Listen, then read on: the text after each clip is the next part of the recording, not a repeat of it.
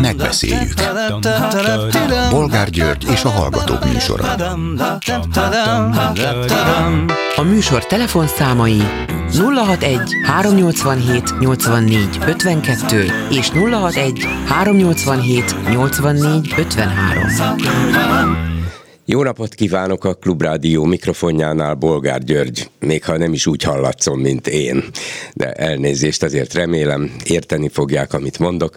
Mai műsorunkban beszéljük meg a pápa látogatását. Önök szerint voltak-e üzenetei a pápának, és kinek szóltak?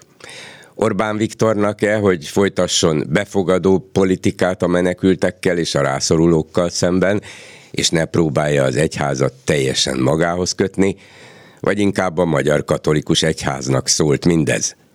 És vajon kinek akart üzenni Karácsony Gergely fogadásával? Vagy azzal, hogy találkozott a magyarországi orosz ortodox egyházmegyek kormányzójával? Egyébként pedig számít-e valamit, hogy a pápa üzen? Van-e lényeges befolyása? Mit szólnak aztán ahhoz, hogy milyen óriási visszhangot keltett kollégánk és barátunk Vágó István váratlan halála benne undorító támadásokkal és személyeskedésekkel is, egy egészen friss, ezek között pedig már az elsőkre is érkeztek megdöbbent kritikák. Na szóval az illető azt írja, hogy Vágó István megtért a teremtőhöz. Ja nem, neki nincs teremtője. Az ő sírfeliratán ez szereppel kiöltöztem, de nincs hova mennem.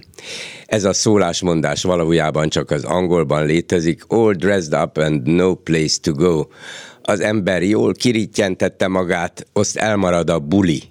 És ennek bármilyen átvitt értelmű variációja. Például, amikor meghal az ateista, és hát nincs hova mennie, hiszen ő semmilyen túlvilágban nem hisz. Na most ilyen szellemeskedésekkel van teli a jobboldali média. Hova süllyedtünk, hon, hova süllyedtek? Következő témánk, hogy az Origó nevű kormánybarát propagandaportál vezető újságírója a május 1 ünnepnap megszüntetését sürgette, mondván, hogy ez nem magyar és tőlünk idegen ünnep. Tényleg? Mi a véleményük továbbá arról, hogy a frissen kinevezett új vezérkari főnök parlamenti meghallgatásán a szitja gondolkodásmód visszahozását, és a nukleáris elrettentést is bevenné a katonai gondolkodásmódba. Hogy micsodát? Szitja a magyar hadsereg, és mi fogjuk nukleárisan elrettenteni a kiket is, az oroszokat, az amerikaiakat? Miről beszélünk? Miről beszél a vezérkari főnök? És végül beszéljük meg, hogy Hatházi Ákos szerint az LMP az egyik legkártékonyabb kollaboráns pártáz ülött, miután politikusai gond nélkül és sűrűn bejárnak az állami tévé és rádió propaganda adásaiba. Pedig ők is tudják, hogy csak azért kapnak szereplési lehetőséget, mert teljesen veszélytelennek ítélik őket. Így van? Telefonszámaink még egyszer 387 84 52 és 387 84 53. Háló, jó napot kívánok! Jó napot kívánok, Bolgár úr, Kovács Hárs Klári vagyok, és javulást kívánok, remélem, hogy Köszönöm gyorsan. szépen. Javulok, a... mert reggel nem volt hangom, most meg már van. Akkor, akkor azt a hangot halljuk majd, amit megszoktunk.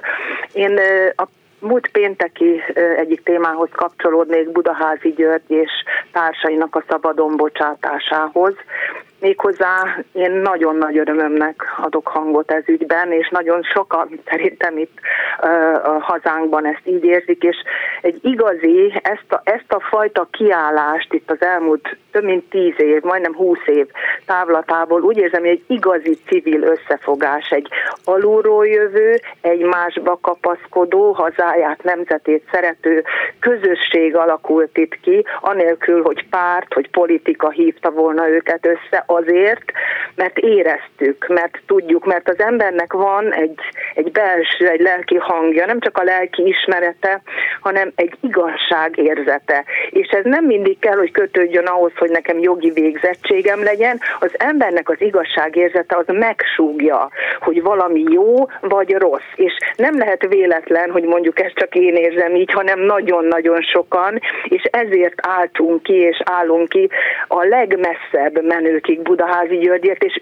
öröm ünnep volt számomra, és sokunk számára ez a múlt hét csütörtök, és méltó volt, hogy a pápa látogatáshoz kapcsolódva ezt a kegyelmet megkapták, és az az igazság, hogy úgy érzem, és ezt majd az a jövő fogja igazolni, hogy a történelem könyvekbe egyszer, tíz vagy száz év múlva az 1848-as, az 1956-os és a 2006-os szabadságharcosok között bizony ott lesz Budaházi György neve. Húha, Bárki ez azért, bármit is mondjon, na, csináljon. Akkor én is igen, mondok valamit. Nem akkor már élni, én vagyok a de... bárki. Azt mondja, hogy akik tudjuk, meg, meg tudjuk különböztetni a jót a rossztól. Az például jó volt, hogy rálőttek Hiller István házára. Na most várjon egy pillanatot, tehát bizonyítást, nagyon sok minden nem nyert, nem adtak helyt a tárgyalásokon olyan bizonyítékoknak, amik pont azt támasztották volna alá, amit Budaházi György és a nagyon jó jogi képviselő Gaudi Nagy Tamás,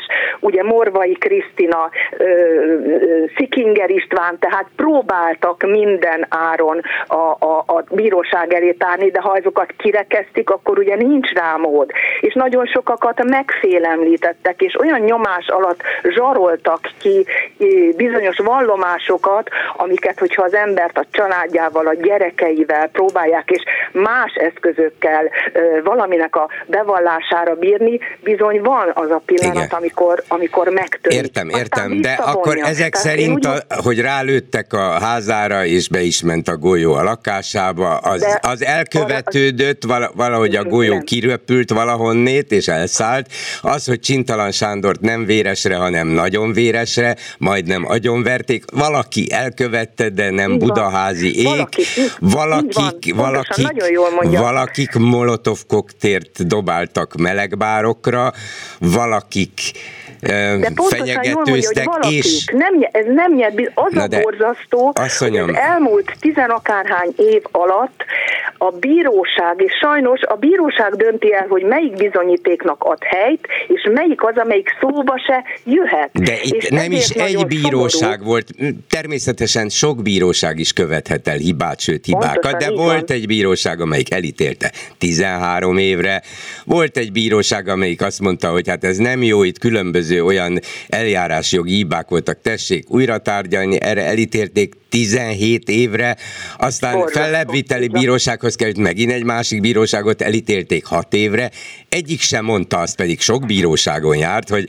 hát ezeket ön nem követte el Budaházi úr, úgyhogy fel van mentve. Sajnos ez, ez a nagyon-nagyon rossz bizonyítvány az egész igazságszolgáltatásunkat jellemzi.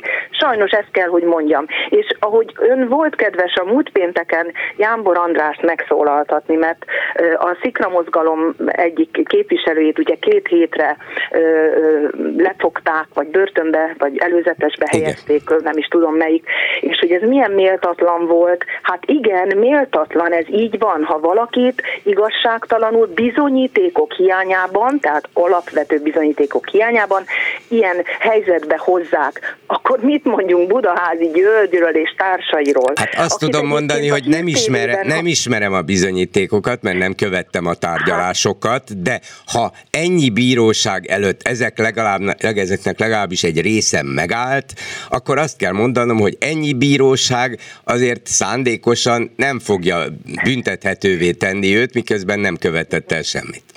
Most ön szerint létezik olyan, ugye látjuk itt a, a pedagógus, az orvos megmozdulásokat, mindegyik kifull pár hónap egy év alatt.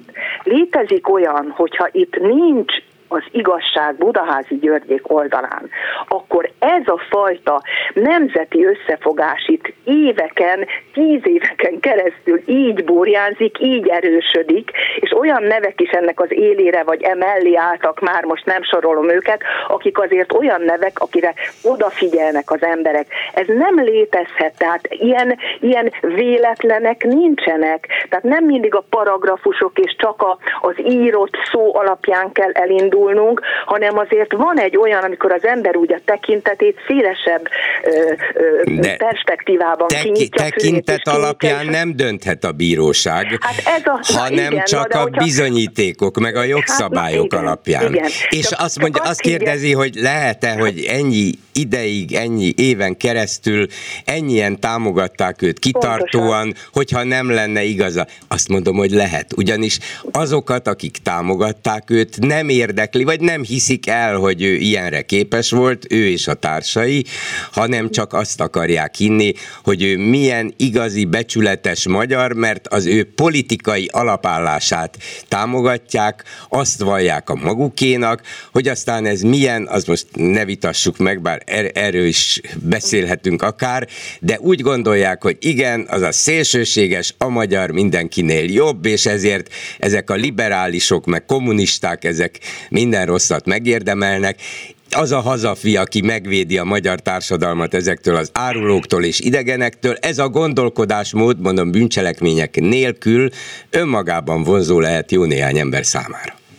Egyébként, ha a, most a hírtelevízió nevét ki kell, hogy mondjam, mert hogy ott volt velük egy beszélgetés Gaudinas Tamással és Budaházi Györgyel, ha ezt az embert, akkor az, ott végig, azt a beszélgetést végignéztük. Ennyire szerény, visszafogott, semmilyen mártírságról tanúbizonyságot nem tevő, gyűlöletet nem közvetítő, hanem egy ilyen emberi, igazi, tiszta hozzáállásról tanúbizonyságot tevő beszélgetés volt. Tehát az ember, én úgy gondolom, hogy a szema és, és a viselkedés, és a, ahogy megnyilvánulunk, az is nagyon sokat számít. Ha egy terroristát, ha, ha egy terroristát valaki megkérdez, abból nem ez, tehát higgye nekem, hogy az ember és ember között viselkedésben is, megnyilvánulásban is van különbség. Öröm volt nézni, öröm volt hallgatni mindazt, ami ott elhangzott, és tudja, Nekem meg külön szerencsém és örömöm, hogy hosszú idő óta ismerhetem a családot, és azt mondom, hogy ez a család, ha ilyen családok lennének Magyarországon, akkor nem kéne aggódnunk a jövőnk felől. Hát, én nagyon köszönöm, hogy meghallgatott és helyt Én, annak, én is köszönöm, hogy telefonált, ráadásul egy ilyen rádióba, ahol tudja, hogy önnel nem fognak egyetérteni. Tényleg? Szoktam is telefonálni, és nagyon örülök, hogy lehetőségem van arra, hogy, hogy megadják ezt. Én emiatt a nem létező kalapomat emelem önök előtt, hogy, hogy tudok önnel beszélni, emberi módon, tisztességesen is, sose szakít félbe, végighallgat, és vagy egy álláspontra jutunk, vagy nem, de mindig... Így van. Ameddig nincs erőszak, és nem uszítanak erőszakra, addig itt nálunk lehet beszélni. Köszönöm, és gyógyuljon meg, hogy hallgathassuk még. Isten vele, viszont Köszönöm, hallásra. viszont hallásra. Háló, jó napot kívánok! Jó napot kívánok, Fürtös Károly vagyok. Hú, tényleg a hangja e, egy kicsit... El, el, el, Végre férfias hangom lett, hát ennyi az egész. Hásteja, hásméz, és gyógyuljon gyorsan meg. Igyekszem, köszönöm. Oké, okay, jó. De hát most én tulajdonképp ami miatt, e, mert én a pápa látogatással kapcsolatban akartam jelentkezni, de ez a hölgy e, nálam nagyon kiverte a biztosítékot. Szóval 1848-at, azt a dicső 1848-at, meg 1956-ot a 2006-os ellenforradalommal összehasonlítani, ez olyan, mintha most azt mondaná, hogy Putyin is forradalmi győzelmet aratott Oroszországba.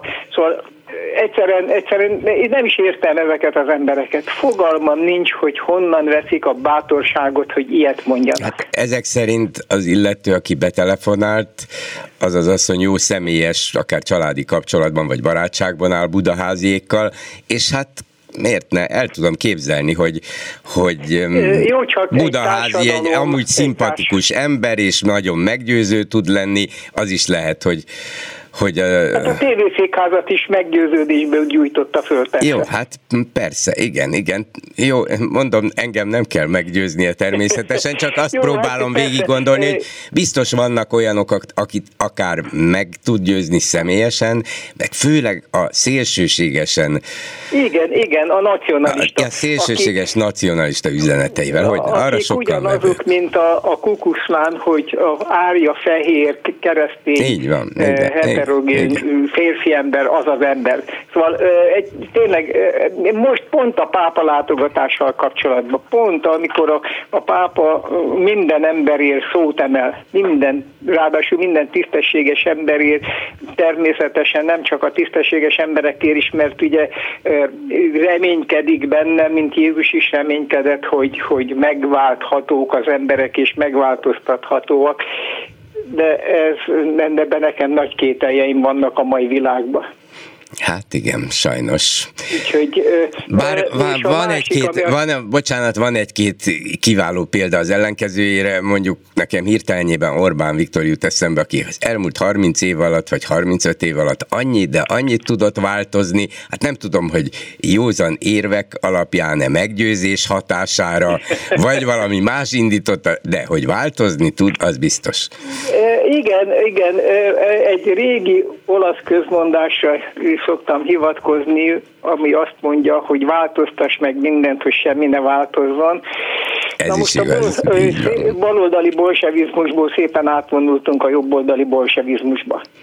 Igen. és ráadásul annak is a szélsőséges fajtájával, mint ahogy a Rákosi szélső baloldali volt, ugyanúgy ez most a szélső jobboldal, és, és az nem igaz, és senki nem mondhatja meg ne, nekem azt, hogy a magyar nép az különb mindenkitől a világon ugyanolyan nép, ugyanolyan tisztességes emberek és ugyanan tisztességtelen emberek laknak benne, mint bármelyik más ország nemzetében. Nem vagyunk egyformák persze, csak nem mindegy, hogy hogyan ítéljük meg mert ugye Ferenc pápának az a bajom, pont az egyik kedves ismerősem föltette a kérdést, hogy vajon tanul-e Orbán Viktor és csapata a Ferenc pápa szavaiból, és ugye az egyik másik ismerősem azt írta rá, hogy, hogy vagy megkérdezte, hogy komolyan gondolod?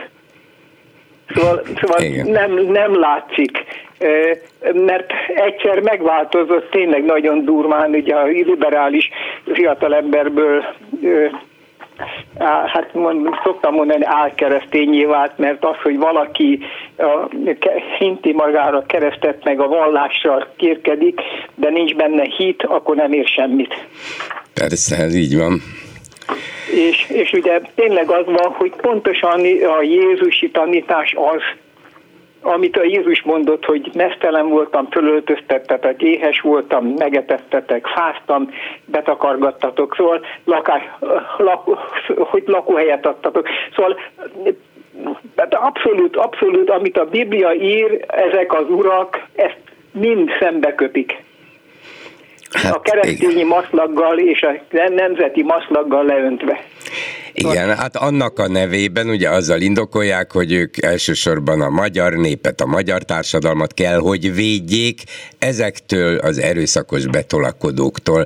Igen, és csak hát... ott a probléma, hogy nem a magyar társadalmat védik, hanem a saját ö, jól fel, úgymond jól felfogott érdekükben a saját birodalmukat, mert a magyar nemzetre ők nagy évbe tesznek. Ők, őket egyetlen dolog érdekli, hogy a, a magyar ember, melós ember az legyen rabszolga, minél többet termeljen, minél olcsóbban, és nekik minél több jusson középkori feudalizmus. Szóval egy, egy igazi politikus, mert én ugye a politikusságot onnan indítom, hogy Deák Ferenc. Egy igazi politikus az valóban bölcs, és valóban a hazáját szolgálja. Vagy ahogy a Kennedy mondta, hogy, hogy ugye a politikus az a vála, következő választásig gondolkodik, az államférfi az pedig hosszú távra. Ez így van. Tehát, hogy a hazát, de ne azt kérdezt, hogy mit kaptál hazától, hanem azt kérdezt, hogy mit adtál hazádnak. Na most ez lenne nagyon fontos. Mert akkumulátorgyárat ad, avval nem a nemzetet szolgálja, hanem a kínaiakat. E, és ráadásul nem is ők adják az akkumulátorgyárat, hanem Gyárat a kínaiak, pontosan, ugye? Igen, az a baj, hogy azt mi csak fizetjük. Igen, igen, legalábbis Sajnos, egy részét. Igen, és mint azt ahogy itt van például az a Paks 2-nek nevezett rettenet, ugye látjuk nagyon jól, hogy az orosz technológia a a komoly fejlett technológiához képest milyen elavult középkori szint, és, és akkor képesek lennének Rosszatommal megépítetni egy veszélyes egészségi fokozattal rendelkező akármit, és sokért, mert ugye már sok tíz milliárd folyt bele úgy, hogy még sehol semmi nincs. Van, az már sok száz milliárd is. Akkor száz milliárd, szóval mindegy, ezt már számolni nem is lehet, mert hát amennyi kárt ezek okoztak már a nemzetnek, és sajnos az ilyen, ilyenek a tartó pillérei, mint a Budaházi György is, meg az őket méltatók. Köszönöm. Ennek a, ennek a rezsimnek. Köszönöm szépen. Ennek a szörnyű rezsimnek. Köszönöm, viszont hallásra. Én is köszönöm, hogy beszéltünk, és mielőbbi gyógyulást viszont hallásra. Köszönöm szépen, igyekszem. A telefonnál pedig Ungár Péter, az LMP Zöldek társelnöke, országgyűlési képviselője. Jó napot kívánok! Jó napot kívánok! Hát kaptak egy jókora kritikát Hatházi Ákostól, aki az LMP egyik korábbi társelnöke volt, ilyen értelemben persze a dolog nem kirívó, vagy nem szokatlan, hogy hogy volt pártársak között az ellentét még élesebb, de ez most egy nagyon konkrét dologra vonatkozik, nevezetesen arra, hogy önök, az önök képviselői, politikusai sűrűn bejárnak az állami tévébe, rádióba, sokkal nagyobb arányban, mint amit a pártjuk mérete indokolna, és eleve azért hívják önöket, mert a kormány úgy gondolja, hogy önök teljesen veszélytelenek, nyugodtan beszéljenek, önök pedig élnek ezzel a lehetőséggel, holott tudják, hogy lényegében csak lepaktálnak az ellenséggel. Mi ebből az igazság? Hát, kezdjük a legelején. Én Szerintem ehhez filozófiailag érdemes hozzáállni, hogy el kell menni a politikusoknak minden jellegű médiában minden kérdésre válaszolni. Nem vagyok benne biztos, hogy erre a válasz az igen, de egyelőre azt gondolom, hogy inkább erre a válasz az, hogy igen. Amennyiben így van, akkor olyan médiatermékekkel is el kell menni, vagy olyan médiatermékekbe is el kell menni kérdésekre válaszolni, amelyeket amúgy kártékonynak télünk. Én személyesen a 2022-es kampány alatt, amikor a háború elindult, és Oroszország megtámadta Ukrajnát, utána lévő héten írtam is egy nyílt levelet Pap Dánielnek, a köztelevízió vezérigazgatójának, ha jól tudom, ő a vezérigazgatója, igen, hogy miért folytat ilyen orosz propagandát. Biztos emlékszik ön is, hogy milyen durva hát, orosz hogyne, propaganda hogyne. volt akkor a köztelevízióban.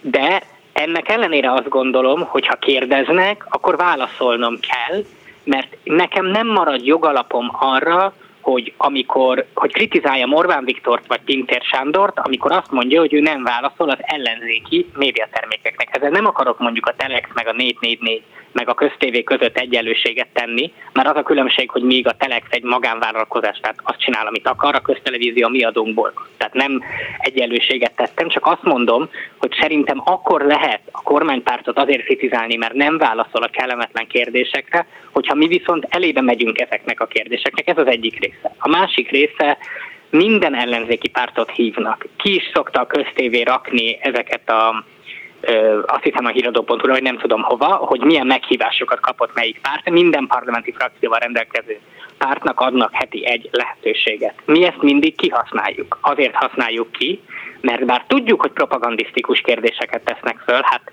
volt egy ember, aki egy öt napig volt LMP tag, amúgy nyolc éve körülbelül ö, kizártuk, nem csináltunk vele semmit, akinek fölmerült a gyanú egy pedofil bűncselekménynél, és azt kérdezgették az LMP elnökségi tagjaitól, meg országgyűlési képviselőtől, hogy miért védünk egy pedofil. Tehát ilyen rettenetes kérdéseket tesznek föl, de ennek ellenére bemegyünk, mert azt gondoljuk, hogy ha öt darab ember meghallja, hogy mi történik a Debreceni akkumulátorgyárban, vagy mennyi az otthonápolási díj, akkor már megérte, ennek kitenni magunkat. És azt az érvet meg nem érzem igaznak, hogy mi legitimálnánk a köztelevíziót.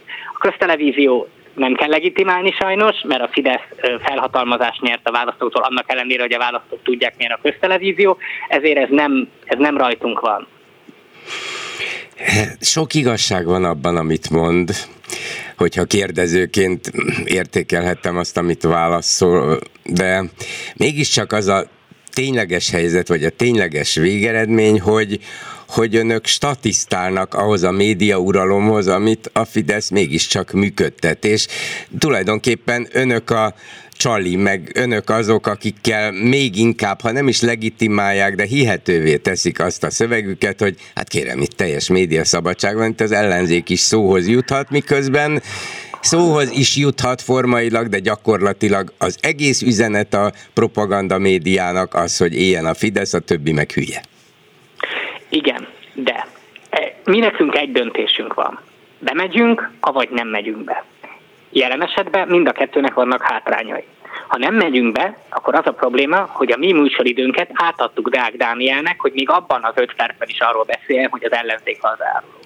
Ha bemegyünk, akkor nekünk kell mondom, néha teljesen elmehibban kérdésekre válaszolni, de legalább van lehetőség néha egy mondatot úgy alakítani, hogy valós információ jöjjön. Ez a mi döntésünk. Mi úgy döntöttünk, hogy ebből az a jobb, hogyha bemegyünk. Szerintem, ha az ellenzék kollektíven így döntene, az lenne jobb. Lehetne ott ezeket a műsorvezetőket zavart helyzetbe hozni, ahogy már előfordult több kollégám, például Tetlák Körsnek volt egy ebből a szempontból családos interjúja, ahol látszott, hogy a kérdezőnek nem volt tudása arról, hogy mit kérdez. Tehát szerintem ö, lehet ezt jól használni, de a másik, amit még mindenféleképpen, de szerintem itt fontos végig gondolni.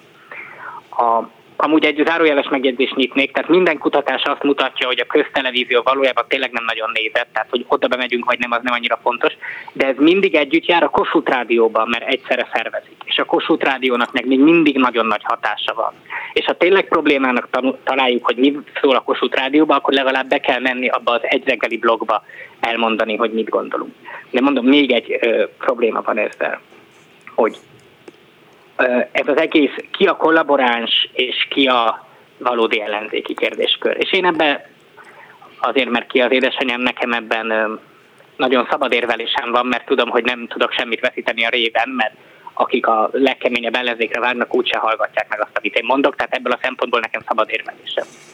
De szerintem Miért van az, hogy a Fideszen belül hagyjuk, hogy legyen egy belső szereposztás, hogy más típusú emberekhez beszéljen német Szilárd és más Gulyás Gergely, és az ellenzéken belül meg nem. Itt is itt egymást nézzük, hogy ki, mikor, milyen módon felel meg annak a közegnek, aminek beszélni akar. Igen, ez is jó érv, de ön adott a számba egy kérdést azzal, hogy azt mondja, hogy ameddig az ellenzék kollektívan nem dönti el, hogy mi legyen a magatartása, Na ez az. Én is így gondolom, hogy az ellenzéknek kollektívan kellene, kellett volna eldöntenie, hogy hogy válaszol erre a természetesen szerecsen mosdató új taktikára az úgynevezett közmédia részére, hogy na most akkor mindenhova mindenkit beívunk naponta százszor, hogy megmutassuk, hogy 2022 áprilisáig az, az, az nem is létezett az az időszak, amikor Márki Zaj Péter összesen 5 percet kapott a köztelevízióból, közrádióból.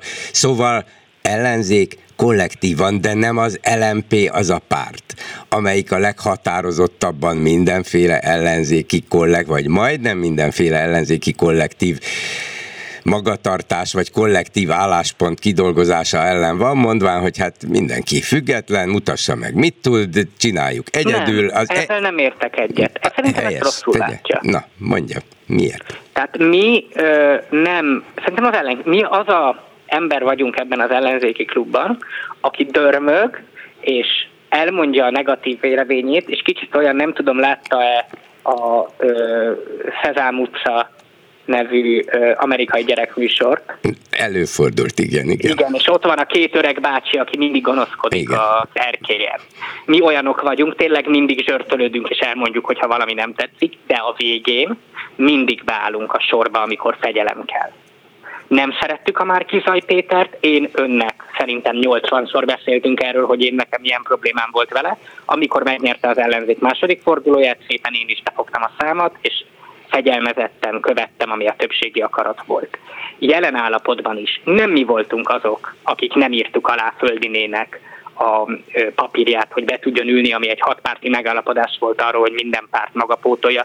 Nem mi kezdtük el egymást azzal bántani, hogy ki az új, ki a régi, ki ilyen, ki a olyan. Nem, mi sokszor elmondjuk, hogy a kritikánk van, meg kifelé lógunk az egészből hangulatilag, ezt én elismerem, de nem igaz az, hogy nem tartjuk magunkat a közösen hozott szabályokhoz. Sőt. Akkor nem kellene kezdeményezniük valamit. Itt van egy konkrét vita, hatházi Ákos igaz, hogy független, nem tartozik egyik párthoz sem, és tudjuk, hogy nem spórol a bírálataival, még a hazai pályán, vagy azon a pályán sem, amelyen ő mozog, de alkalmat ad arra, hogy tisztázzanak egy fontos kérdést, és tudom, hogy nem csak az LMP politikusai azok, akik elfogadnak néha-néha egy-egy meghívást, de mi lenne, hogyha megpróbálnának egy egyeztetést kezdeményezni az ellenzéki oldalon, hogy itt van ez az álságos, hazug, közmédia, de mégiscsak, mégiscsak lehetőség valamire, és hogyha ezzel szervezetten élünk, akkor vagy megdöbbenve visszavonulnak majd a propaganda média részéről, vagy sikerül valamit elérnünk, mert összehangoltan többen is vagyunk, több műsorban is, többféleképpen is kifejthetjük a véleményünket, lehet, hogy rákényszerítjük őket arra, hogy egy kicsikét másképp rendezzék be ezt a propaganda adást. Öm, szerintem nem biztos, hogy erre van szükség. Szerintem az ellenzéken belül egy szerepleosztásra van szükség. Abban igaza van, hogy az is egy első, tehát az is feltételezi, hogy előbb ezt megbeszéljük, tehát ebben a részében igaza van. Csak akkor nem, szerintem nem csak az a két opció van, hogy mind megyünk, vagy egyikünk sem megy be, hanem valaki bemegy, ezt csinálja, valaki nem megy be, valaki bemegy, nem azt csinálja, tehát szerintem le lehet osztani a szerepeket. Én nem gondolom, hogy itt fekete vagy fehér van, ez az egyik. A másik pedig, hogy én azért élő kapcsolat van az ellenzéki pártelnökök között. Én ma beszéltem legutoljára az egyik kollégával, kifejezetten jó hangulatú, produktív beszélgetés volt, tehát nem, nem, és most a választások miatt az Európa Parlament meg az önkormányzati miatt ez újra fel fog törögni. Igen. Szóval azt írja egy kollégám, hogy nem is a Szezám utcában volt az, hanem a Muppet Show-ban. Igaza van. Igen, igaza van. és tényleg én nekem is em, emlékem van róla, és azzal végződött, hogy az egészet, vagy a szinkront összerendezgette Andor Péter. És tényleg össze kellett rendezgetni. Na, szóval igen, Muppet Show. A, milyen állapotban van az ellenzék, szóval tudnak egymással szót érteni. Láttam, hogy éppen most egy törvényjavaslatot közösen nyújtottak be, igaz a jobbik nélkül, de hát ismerjük az ő alapállásukat ebből a szempontból, de a többi ellenzéki párttal együtt tudnak működni bizonyos kérdésekben, nem lehetne ezt mindenre kiterjeszteni, akár a média szereplésekre is, legalább annyira, hogy ön mondja, hogy legalább a szerepeket leosszák. Hogy ön lesz Gulyás Gergely, és, ön lesz Gulyás Gergely, és nem tudom, ki lesz német Szilárd az ellenzékből, de mindegy, hát ha megtalálják. Igen, de, de van ilyen, van ilyen jelleg ö, akarat. Uh-huh. Jó, hát akkor azt mondja, hogy nem reménytelen. Nem, soha nem reménytelen. Köszönöm szépen Ungár Péternek, az LMP társelnökének. Viszont hallásra. Viszont. Háló, jó napot kívánok! Jó napot kívánok, Szerencsés Gyuri vagyok, és hát először is jobbulást kívánok. Köszönöm Én szépen. nekem van egy receptem, és hogyha gondolja, ezt is majd kipróbálhatja. Én egy eh, fél kanál evőmézbe szoktam 26 csepp propolis kivonatot nyomni. Uh, de pont, 20, elején pont 26-ot. Érzem, hogy egy kicsit kapar a torkom, és Aha. szerintem ez nagyon bevált nekem. Uh-huh. Jó, mindent megpróbálok, természetesen minden ötletet, de az a 26 azért megütötte a fülemet. Nem 25, nem 27, 26. Hát lehet nyilván több is, kevesebb is, nekem így bevált ez, mert addigra így majdnem teli van az egész kanálnyi méz, tehát a félkanál méz kiegészítéséhez ez a mhm. propolis kivonat, ez így megfelelt, és akkor igen, nálam ez foglalkozási betegség, ha megfázom, vagy esetleg influenzám van, de ez most egy megfázás, akkor ez általában a hangszálaimra megy. Hát nyilván azért, hogy nem kell annyit dolgozni, bolgár úr. Maradjon otthon, igen, fogja be a száját. Igen. Hát az biztos, hogy pihentetni kell. Hát azt szeretném mondani, hogy itt a legutolsó beszélgetés az fölveti bennem ezeket a közkedvelt és közismert mondásokat, hogy oszd meg és uralkodj, illetve a másik az ellentéte, hogy egységben az erő, vagy összefogásban az erő. És tulajdonképpen itt nyilván, hogyha én tudnék tanácsot adni a szereplőknek, és el is fogadnák, akkor Atházi Ákos sem kürtölné világá a véleményét, hanem egyeztetni elsősorban négy közt, aztán utána az ellenzéken belül, és ez biztos, hogy nagyon gyengíti nem csak az egyes pártoknak a népszerűségét, hanem az egész ellenzékre kivetítődik, hogyha ezek a nézeteltérések, ezek rögtön a sajtóba kerülnek. Hát igen. Ez az egyik, amit szerettem volna mondani. Másrészt viszont tényleg, hogyha mm, akarunk elérni valamit, akkor azok a megmozdulások, beleértve a hatázi szervezésűt is, aztán a diák tüntetést is, amelyeknél elő, elé vonultunk a televízió székház elé, a Kunigunda utcába, hát gyakorlatilag ott is bizonyíthatta volna, akár az LMP képviselője, akár ki más, hogy igen, be akarunk menni. Tehát gyakorlatilag ez, hogy be akarunk menni, vagy nem akarunk bemenni, ez is egy másfajta kérdés feltevés volt eredetileg, hogy beengednek-e ellenzéki szereplőt, és nem pedig az akarat kérdése volt. Az más kérdés, hogy nyilván, hogyha csak kiválogatnak, hogy egyetlen kit hívnak, akkor jöhet ilyenfajta kérdés. A korábbi, az első betelefonáló, amikor elkezdte mondani nagy szenvedéllyel, hogy igazság, meg a Magyar Nemzet igazságérzete, meg ilyesmi, én örültem neki, mert nem tudtam a, a folytatását. Elmentem zuhanyozni, és utána derült ki, hogy Budaházinak a kiszabadulásának örült. Én meg azt hittem, hogy annak örül, hogy, hogy a nép felháborodott ezen, hogy miért kapott kegyelmet. Na mindegy, hát úgy látszik, hogy a, hát a nép az nagyon... A népnek és... ahhoz a részéhez tartozik, aki ennek örült. Igen, de most gondoljuk meg egy pillanatra ellenpontként, hogy ha megjelent volna ott egy szöveg, de hogy Nyugat-Európában nagyon jellemző ez, meg Amerikában is, hogy egy olyan tömeg jelent volna meg, amelyik éppen a szabadulása ellen tiltakozik, és ne talántán molotov koktél dobálta volna meg azt, akit megvádoltak molotov koktélos bűncselekményekkel. Na most ez, ez megint egy példa lehet volna arra, nyilván csak ez egy elképzelt dolog, hiszen a, a túloldalon, vagyis a békés magyar nemzet oldalán ott a molotov koktél szóba se jön, de csak úgy feltételeznem, hogy akkor nagyon furcsán vették volna ki, hogy, hogy miért erőszakos ez a másik oldal.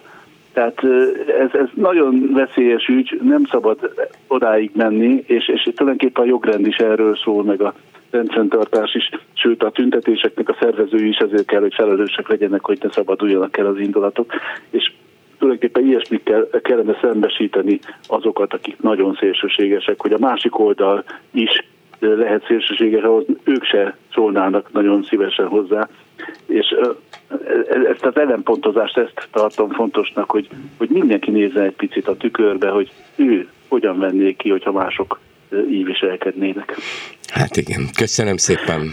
Még egy dolgot szerettem volna a május elsővel kapcsolatban, igen. hogy ez, ez az indoklás nagyon furcsa, hogy nem magyar ünnep. Hát én elkezdtem végig gondolni, hogy a karácsony, a pünkösd, a nagypéntek, egy csomó olyan ünnepünk van, munkaszüneti nap ráadásul, amelyik egyáltalán nem nevezhető magyar ünnepnek, és ez, ez a teljesen rossz ér, és igazából szerintem ebben elbújtatva van egy, egy olyan, amelyik le akarja nullázni a szolidaritást, mert ugye erről szól elvileg a május első. Persze, persze, hát úgy, úgy tesz ez az origos újságíró, hogy mintha ez egy szovjet döntés, szovjet politikai Igen, kényszerítés. Nem hát éppen Igen. most olvastam, hogy milyen ausztráliai, meg chicagói, meg mindenféle előzmények voltak, tehát gyakorlatilag az 1800-as évekre lehet visszavezetni, akkor még Lenin meg se született.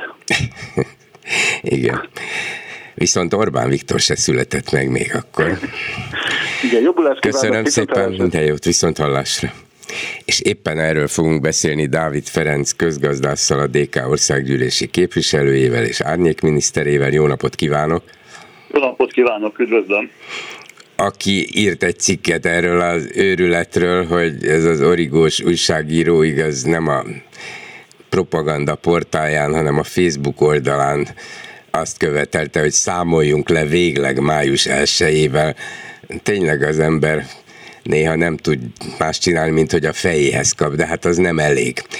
Ön szerint, ön szerint mi, milyen érvek szólnak ellene, bár fejből valószínűleg sok hallgató is tudna, de mik az ön érvei ezzel szemben? Hát én azt megengedi, ugye, mert az előző beszélgetés már ugye foglalkozott május 1 és nekem is hirtelen ilyen improvizálva az jut eszembe, hogy micsoda ízléstelenség az, hogy egy, egy 1886 óta megünnepet, egy 1886-hoz köthető egyébként több ember életét követelő csikágói munkás megmozdulásra emlékezvén, pont az ünnep napján ír erről valaki, hát ugye ez csak azt tudom önnek mondani, hogy ízléstelen. A másik, amit szeretnék mondani, ugye ez, ez a tudatlan fiatalember, és a tudatlan jelző jut eszembe a szerzőről, ugye nemzeti ünnepként apostrofálja a cikkében. Én az írásomban leírom, hogy Magyarországon nemzeti ünnep az március 15-e, október 23-a, és augusztus 20-a egyidejűleg nemzeti és állami. A, a május 1 nem nemzeti ünnep, hanem a munkaünnepe és munkaszüneti nap.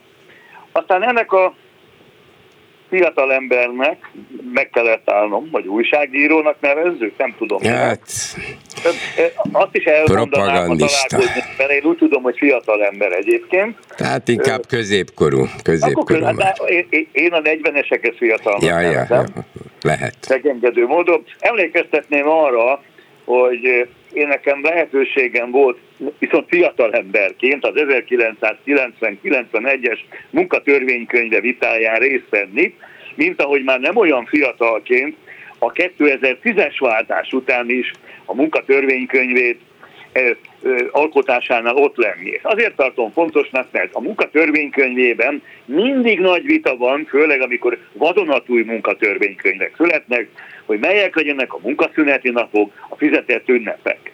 Sem 1990 követően, sem 2010 után követően, tehát a ma hatályos munkatörvénykönyvben szó nem volt arról, hogy május 1 valahogy kiszedjük a munkaszüneti napok közül.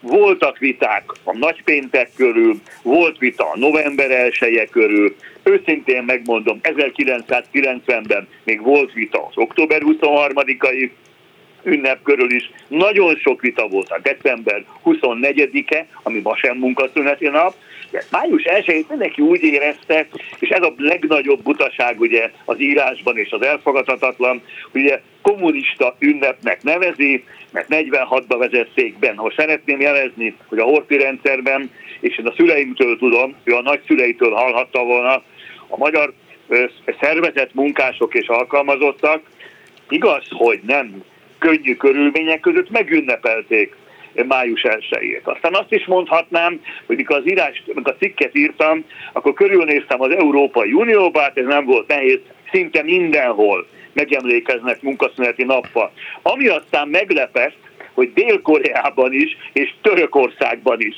munkaszüneti nap. Egyébként, ha tegnap ez a fiatalember nézett volna a tévét, akkor azt is láthatta volna, hogy ez nem akármilyen ünnep, például Franciaországban olyan tüntetések voltak a nyugdíjrendszer ellen, hogy az bizony igazi munkás szolidaritásra utaló megnyilvánulást jelent. Tehát annyi mindent tudnék mondani, és ez az elképesztő magabiztossággal, ami a cikk címe is, ugye, hogy számoljunk le végleg május 1-ével. Én meg azt mondom, hogy erősítsük meg május 1 helyezzük vissza hogy mondjam, régi szép fényében, igen, akkor, amikor nagyon sok munkavállalónak problémája van, amikor egy országnak gazdasági és szociális krízisben van, amikor csökkennek a reálkeresetek, amikor veszélyben vannak a munkahelyek, akkor arról beszélni, hogy az igazából egyetlen originális, hogy mondjam, munkás ünnepet, nemzetközi ünnepet,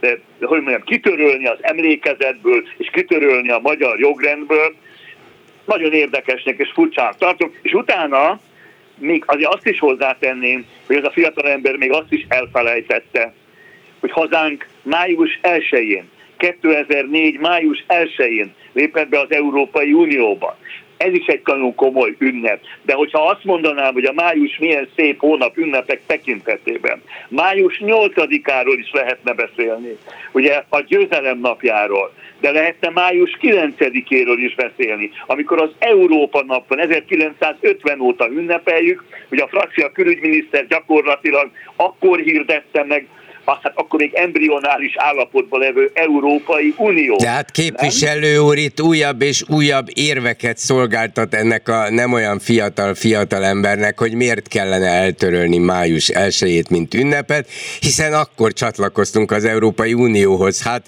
a pokolba az Európai Unióval, ezt a Fidesz szavazói egyre többen tudják és érzik így, úgyhogy ezért is kéne május 1 megszabadulni. Tulajdonképpen a naptárból is ki kellene törölni törölni. Április 30-a után jöjjön mindjárt május másodika. Hát, de azt gondolom, hogy akkor én, én egyébként természetesen ezzel a gondolatmenettel nem értek egyet, amit ön mondott, de akkor legalább... De az iróniát érzi belőle. Hát, hogy ne, még a megváltozott hangjában is éreztem az iróniát. Abban csak a, a megfázást érzékelheti. De akkor, de akkor az ízlést, ugye azt mondtam, az írás ízléstelen, a szerzője tudatlan, de akkor egy harmadik jelzőt is hozzáteszek, hogyha ez a szándéka, akkor pofátlannak is minősítem, akkor ugyanis vállalja ezt a véleményét, és azt is írja le, hogy számára az a május elsője, amikor az Európai Unióhoz csatlakoztunk 19 éve, nem ünnep, és mondja ki, nyílt, nyíltan, ne kommunistázza le az ünnepet, hanem mondja azt, hogy ezt a keresztény, konzervatív világot, ugye ő ilyen, nem tudom, is tudja hogy ezt a fiatal, nem fiatal ember, Ugye 2021-ben kitüntették Magyar Ezüst Érdemkereszt kitüntetéssel, és most figyeljen, a hiteles hírközlés igénye mellett a keresztény konzervatív értékeket következetes képviseletére is nagy hangsúlyt fektető személyként. Hát először is nem mond igazat, másrészt egy keresztény konzervatív értékeket magának való ember nem törődik az alkalmazott és munkavállalói sorsokkal? Hát igen, a, a kereszténységben a, a szolidaritás elve nagyon mélyen benne van, ezt még Ferenc pápától is megtudhattuk, ha máshonnan nem. Ez, ez is egyébként, hogy én nem akartam belekeverni Ferenc pápát ebbe az ügybe, de ez is micsoda, hogy időzített dolog, hogy szépen megvárta ez a úr, aki úr, ez az újságíró, ezt is kérdőjellel mondom, megvárta, míg a pápa elmegy, és utána elköveti ezt az írást. Rendkívül felháborítónak tartom, még akkor is, ha visszaemlékszik, én annak idején, mikor munkaadói szövetségnél dolgoztam, én nem nagyon voltam híve akkor, amikor nagyon komoly törekvések voltak a munkaszüneti napok újabbak és újabbak bevezetésére, mert végül is ugye fizetett ünnepek, mint május 1 is. De május 1 még az én gonosz agyamban se merült föl soha, de még egyszer mondom, és akkor azt is mondja még ez, a, ez az újságíró, ez egy kis puskázás, hogy május 1 nem legitim ünnep. Hát akkor a jogérzéke is nagyon rossz ennek a jogtudása, nem csak a történelmi tudása hiányos ember az embernek. Ugye a legitim szónak az a jelentése, hogy jogos, törvényszerű, törvényes, elismert, elfogadott nem tudja, hogy Magyarországon május 1 ez, mind, ez mindegyik jelző vonatkozik rá.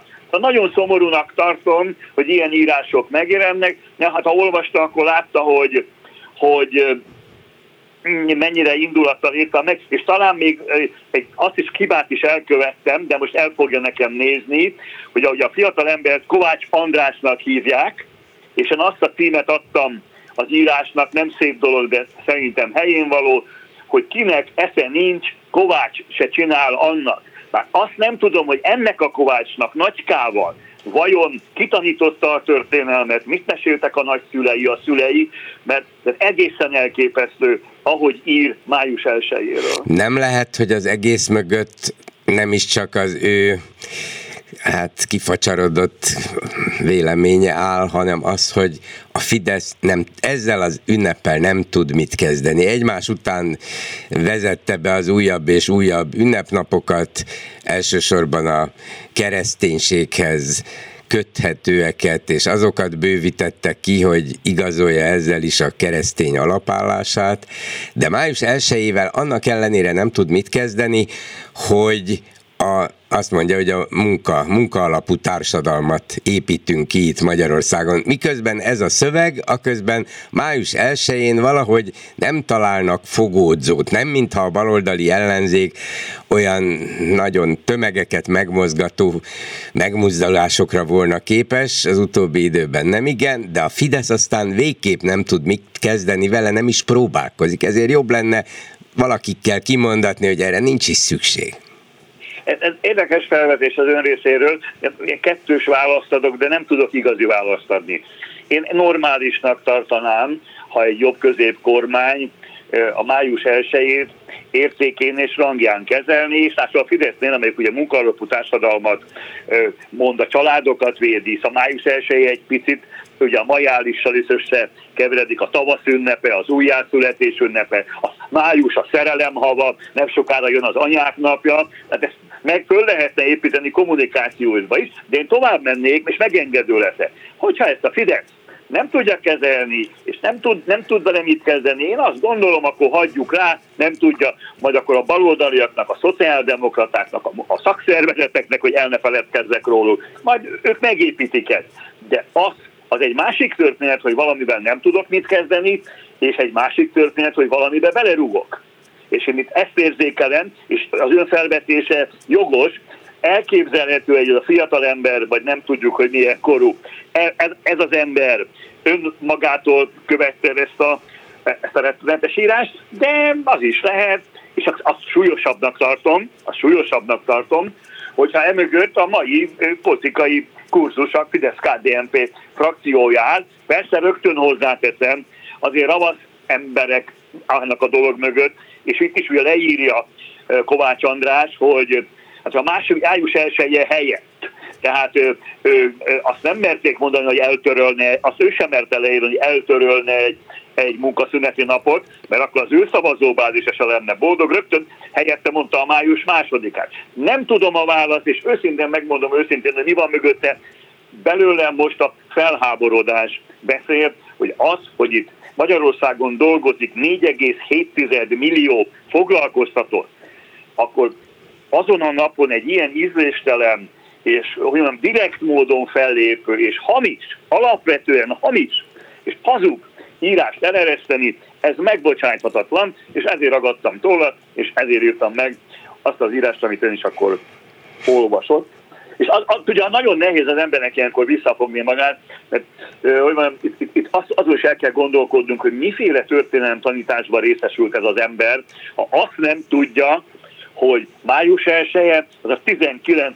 század utolsó évtizedeiből indul, hogy ezt a horti rendszerben is igaz, hogy nem könnyen, de megünnepelték, hogy ezt 1946-47-ben az akkor még lévő polgári kormányok is megünnepelték, és még egyszer hangsúlyozom, sem 90-ben, sem 2010-ben nem volt kérdés, hogy május 1 megünnepeljük-e, vagy sem. Dávid Ferenc országgyűlési képviselőnek köszönöm szépen, viszont hallásra. Köszönöm a türelmét, minden jót önnek. Megbeszéljük. Bolgár György és a Hallgatók műsora. A műsor telefonszámai 061 387 84 52 és 061 387 84 53. Egybe telefonáló a vonalban, jó napot kívánok! Jó napot kívánok, Nörbek Krisztina vagyok Kopenhágából. Rég hallottam, már kérdeztem is a kolléganőimet a múlt héten, hogy hova tűnt. Hát sok a dolgom, sokféle mm, elfoglaltságom van, helyes, ezért nem helyes. értem annyira rá a délutánokon. Azt szeretném, én a pápa látogatással kapcsolatban szeretnék elmondani egy pár dolgot, mert ugye a pápa nem jár igaziból Dániában, nagyon kevés katolikus ér Dániába, de 2016-ban ellátogatott Lundba. A Lundban van egy nagyon régi katedrális, és ez egy nagyon híres és nagyon fontos találkozó volt, mert ott találkozott a Luteránus Világszövetségnek a hát a vezetőjével. Tehát az egy nagyon ökumenikus istentisztelet volt, ami ott volt 2016-ban Lundban, és én azt végignéztem a tévében. De az Svédország. Teljes, A Svédországban, ja igen. igen, bocsánat, tehát az Dél-Svédországban van, Malmö mellett nem messze. Igen. És, és az egy olyan nagyon fontos, szerintem erről nem is annyira beszélnek Magyarországon, az egy olyan nagyon fontos momentum volt. Én azt hiszem, hogy akkor még csak frissen megválasztott pápa volt, vagy talán egy éve volt. Nem is emlékszem, hogy pontosan mikor választották meg. És, és tényleg a, a, a keresztény egyházak közötti közeledésnek volt egy nagyon-nagyon fontos momentum, hogy a luteránus egyház és a katolikus egyház egy, egy közeledjen egymáshoz, közös liturgiát találjanak ki, közös megfogalmazását az úrvacsorának és a többi. Tehát, tehát én számomra az egy olyan megható és annyira fontos pillanat volt, és amikor a pápa arról beszél, hogy ő a, hogy nekünk a híd szerepét kell betölteni, akkor azt gondoltam, hogy ez a tökéletes volt, ez a tökéletes, hogy, hogy kinyújtani a kezét a többi keresztény vallás felé, ahogy ugye most a látogatás során is az ortodox metropolitával, vagy a görög katolikus, vagy a nem tudom kikkel, hát szóval, hogy, ne, hogy kinyújtotta a kezét feléjük. Tehát igaziból én azt gondolom, hogy a pápa is felmérte azt, hogy, hogy a, a magyar ö, katolikus egyház, de inkább mondanám azt, hogy a, a magyar kormány, hogy ö, kérkedik a kereszténységgel, de egész másképp fogja fel a kereszténységet. Tehát a, a magyar kormány az a kereszténységet a hatalom megtartására használja. Mindenféle narratívát, ami a kereszténységről szól, a hatalom megtartására próbálja használni, és az egyházat is azért pénzeli, mert az egyháznak kapcsolata van egy csomó emberrel, aki, akire ő hatást tud gyakorolni.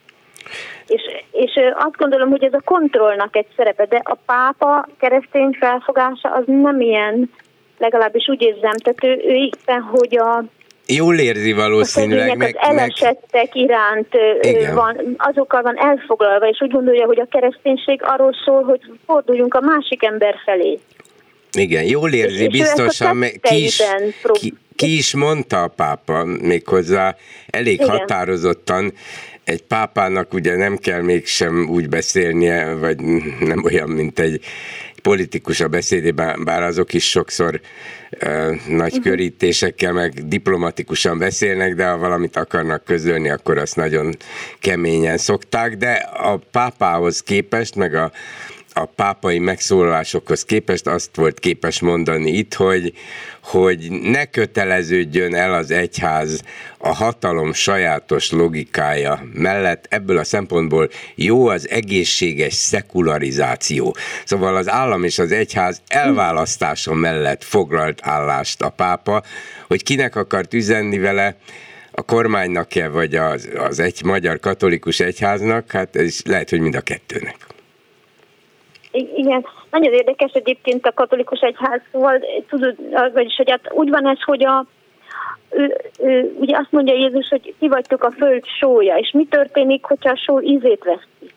Tehát pontosan az egyház is a, a, az emberek, a társadalomnak kellene, hogy legyen egy morális iránytűje, vagy barométere és mi lesz, hogyha ő lepaktál a hatalommal, akkor a só ízét veszti. Szóval számomra, számomra ezért nagyon tetszett az, hogy a pápa tulajdonképpen persze tartott beszédeket, de szerintem a tetteivel még többet mutatott, amit úgy nevezték, hogy ilyen gesztusokat tett, hogy kivel találkozott, hogy, hogy megölelt egy papot ott a, a Szent István bazilikába tartott Isten tiszteleten, akinek lábai nem volt, tehát le voltak amputálva lába, és egy ilyen, meg tehát ilyesmi dolgok. Igen. Tehát teljesen a, az elesettek a kiszolgáltatottak felé fordult, ilyen találkozókat tartott.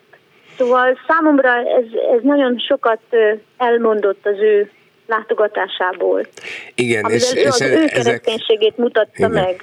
És ezek legalább annyira fontosak voltak, mint azok a innen-onnan kihámozott, és persze valószínűleg jól értett, jól felfogott utalások arra, hogy legyenek befogadóbbak, meg érzékenyebbek, szóval lehet ezt úgy is értelmezni, mint kritikát az Orbán kormánynak, hogy, hogy a menekültekkel szemben tanúsítson befogadó magatartást, és ne csak az ukrán menekültekkel szemben. Ezt nem mondta ki ilyen nyíltan, csak úgy közvetve üzent, de lehet, hogy éppen ezért még fontosabb volt az a személyes példa, a személyes viselkedésének a különböző példái, gesztusai, amelyekre ön itt utalt, mert azt, azt könnyebben érthette Igen. az átlagember is.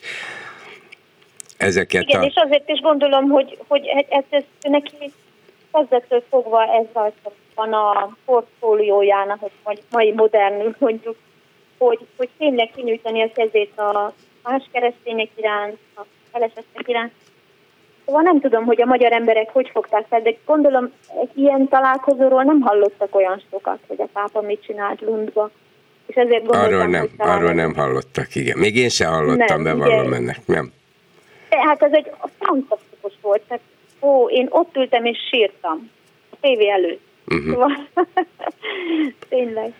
Akkor önnek is figyelmébe ajánlok, már itt a műsorban fölhívtam rá a figyelmet, a Disney Plus nevű streaming csatornán, nem tudom, hogy hozzájut-e ott, ott Dániában, de van egy fantasztikus spanyol dokumentumfilm, ami tavaly nyáron készült arról, hogy a pápa találkozott talán egy tucat vagy tíz különböző 20 éves fiatallal, volt köztük ateista, volt köztük az egyházat Igen, elhagy... erről hallottam. Hallatlanul érdekes, és a legérdekesebb az, hogy a pápa mindenkivel szemben, mindenkinek a egészen vad és meghökkentő, vagy kérdéseivel, vagy megjegyzéseivel, vagy az életével szemben is milyen megértő tudott lenni. Na ezt, ezt a befogadást jelképezi, de ennél érdekesebb találkozója talán soha nem volt, és nem biztos, hogy lesz, mert szándékosan úgy válogatták ki a fiatalokat, hogy, hogy az ember akkor is meghökkenne, ha nem pápa volna, hanem csak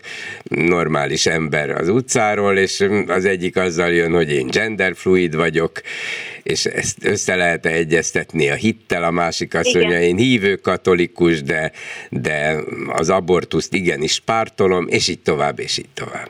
Igen, igen. Köszönöm szépen, örülök, Igen, hogy szóval... jelent. Igen, mondja, fejezze be nyugodtan. Csak ennyit akartam én is mondani, nem akarom az időt elvenni a többiektől. Szóval egy kis yeah, kitekintés. Igen, igen. Figyeljünk a világra, az sose árt. Köszönöm, Jó munkát kívánok köszönöm a szerkesztőségnek. Minden jót, viszont hallásra. Viszont hallás.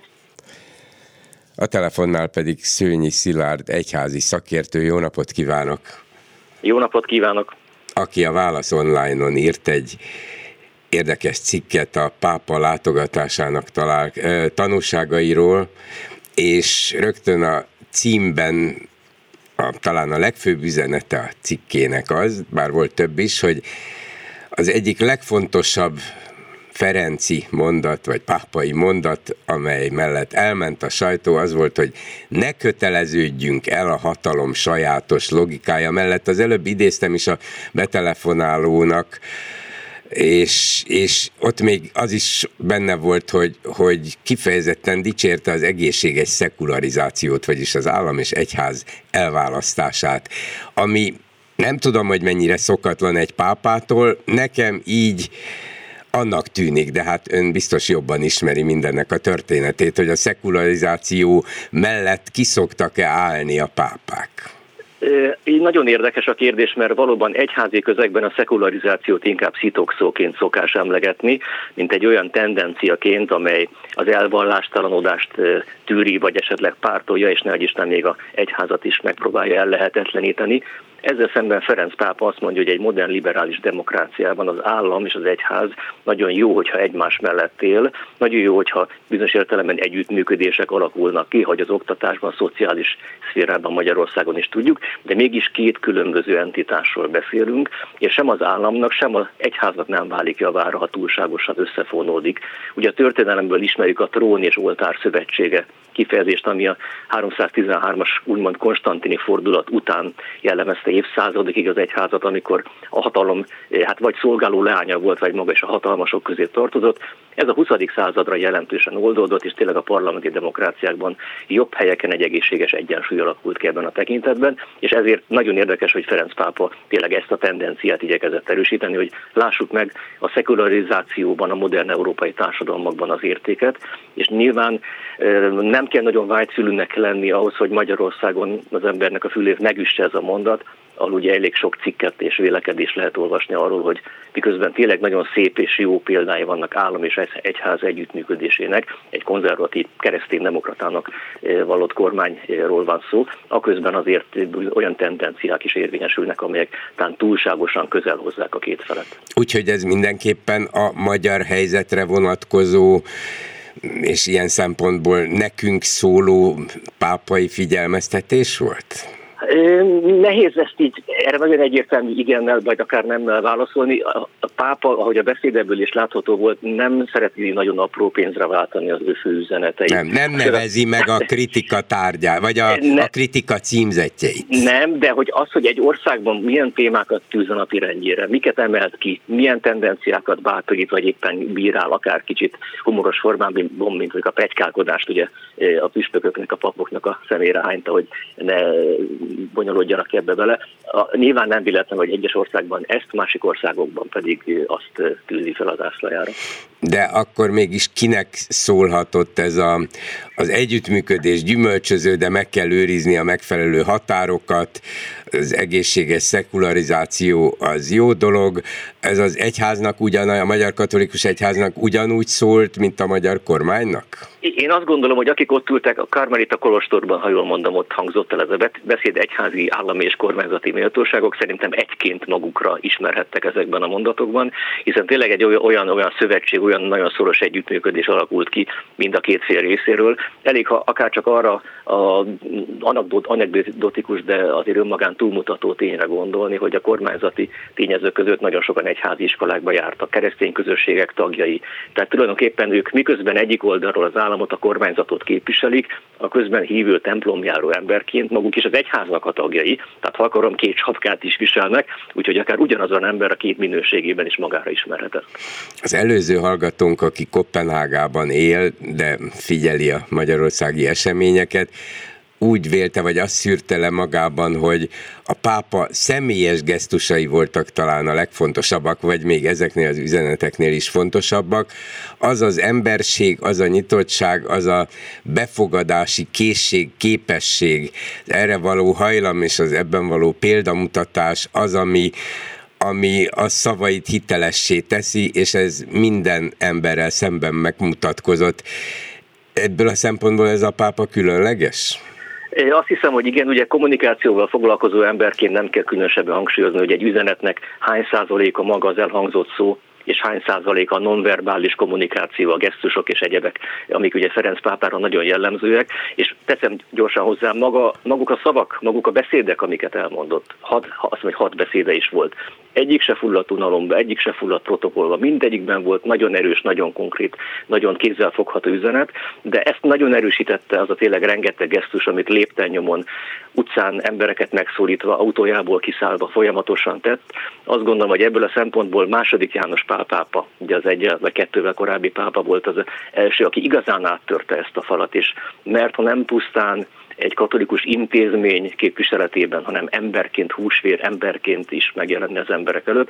Na, Ferenc pápa ezt a vonalat vitte tovább, és a maga latinos temperamentumával, ha lehet, még inkább retett egy lapáttal, és azt gondolom, ezek a gesztusok nagyon erősítik, hitelesítik az elmondott szavait, és picit azt gondolom, és talán remélem is, hogy azokban az emberekben, akik fenntartásokkal voltak, akár egyházon belül, akár papok a mostani pápával kapcsolatban, mondjuk migráns politikája miatt, vagy a egyház úgymond liberális irányba való eltolódása miatt, ezekkel a gesztusokkal talán ők is közelebb kerültek a pápa személyéhez, és talán jobban megismerik, vagy legalábbis befogadóbban fogadják az ő üzenetét.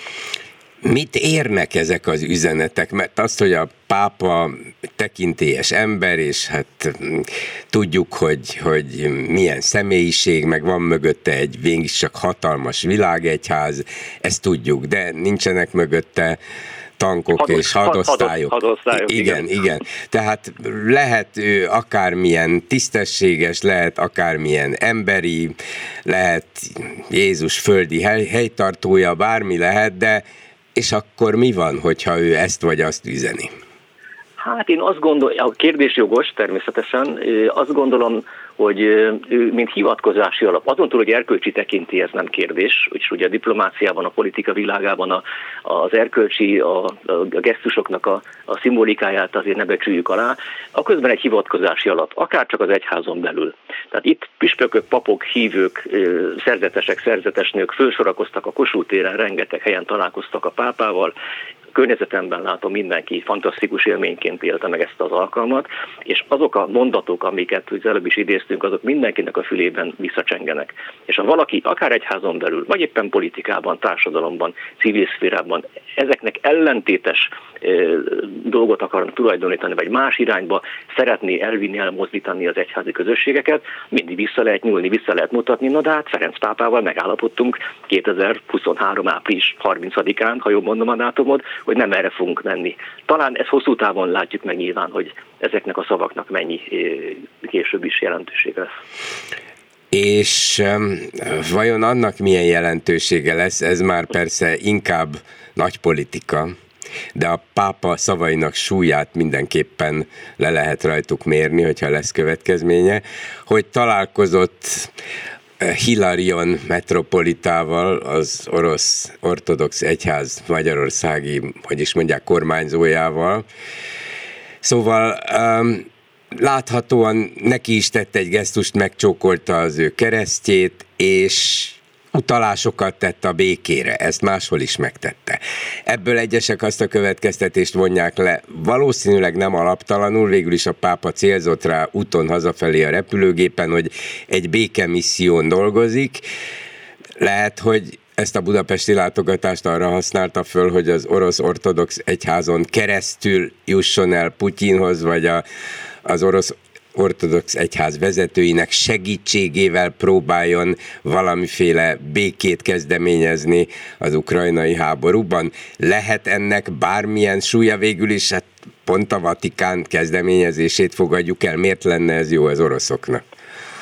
Azt gondolom, amikor sokan találgatták, hogy miért jön Magyarországra két éven belül másodszor, a négy-öt tényező között ez az egyik nagyon fontos puzzle elemként volt említhető, hogy egy Ukrajnával szomszédos ország területére fog érkezni, amelynek ugye tudjuk, hogy a kormánya milyen különutas politikát képvisel az európai államokhoz képest, és hogy itt a tőszomszédságban valóban tud találkozni egy olyan metropolitával, aki korábban a pátriárkának a úgymond külügyminisztere volt, tehát egy elég meghatározó befolyásos alakja, és ne felejtsük el, hogy a budapesti út előestéjén fogadta a Vatikánban az ukrán külügyminisztert, tehát hogy egyik oldalról Ukrajna felé is tesz gesztusokat és próbál hidakat építeni, másik oldalról az ortodox egyház képviselőjén keresztül is, és ha visszaemlékszünk jó pár évvel ezelőttre, amikor Kubában Alexi pátriárkával úgymond a pápa számára semleges területen találkozott. Nyilván az Alexi pátriárkának egy orosz barát Kuba egy otthonos szerep volt. Azt gondolom, hogy az ortodox egyházon keresztül nagyon komoly hidakat és utakat lehet építeni a Kreml, a putyini vezetés felé. Nyilván ez egy út a sok lehetséges közül, de hát a pápa azt gondolom, hogy ezen tud járni. Szőnyi Szilárd egyházi szakértőnek köszönöm szépen, viszont hallásra. Viszont hallásra. Háló, jó napot kívánok! Jó napot kívánok, én vagyok? Igen, tessék, hallgatom. Üdvözlöm, Bolgár úr, Márton Géza vagyok, és hát ritkán telefonálok, vagy ritkán jutok be. De most ez a május elsője, ez egy kicsit felborzolta a kedélyeket, és ezzel kapcsolatban hadd mondjam el, hogy ha el is tekintünk attól a nemzetközi vonatkozástól, ami, ami igen értékes, bár tényleg a 19. századból származik, azért megmaradt akkor is, hogyha nem ugyanazt értjük ma munkás osztály vagy munkások alatt, mint ahogy akkor értették.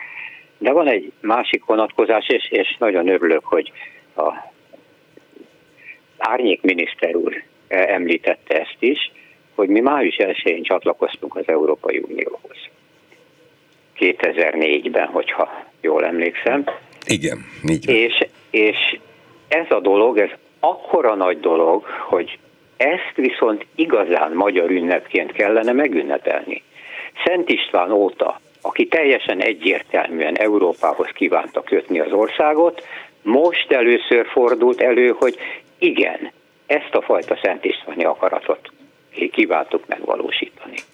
És minden más, ami ezzel kapcsolatos, hogy igazán Elnézést, én is be vagyok egy kicsit rekedve, mint ön.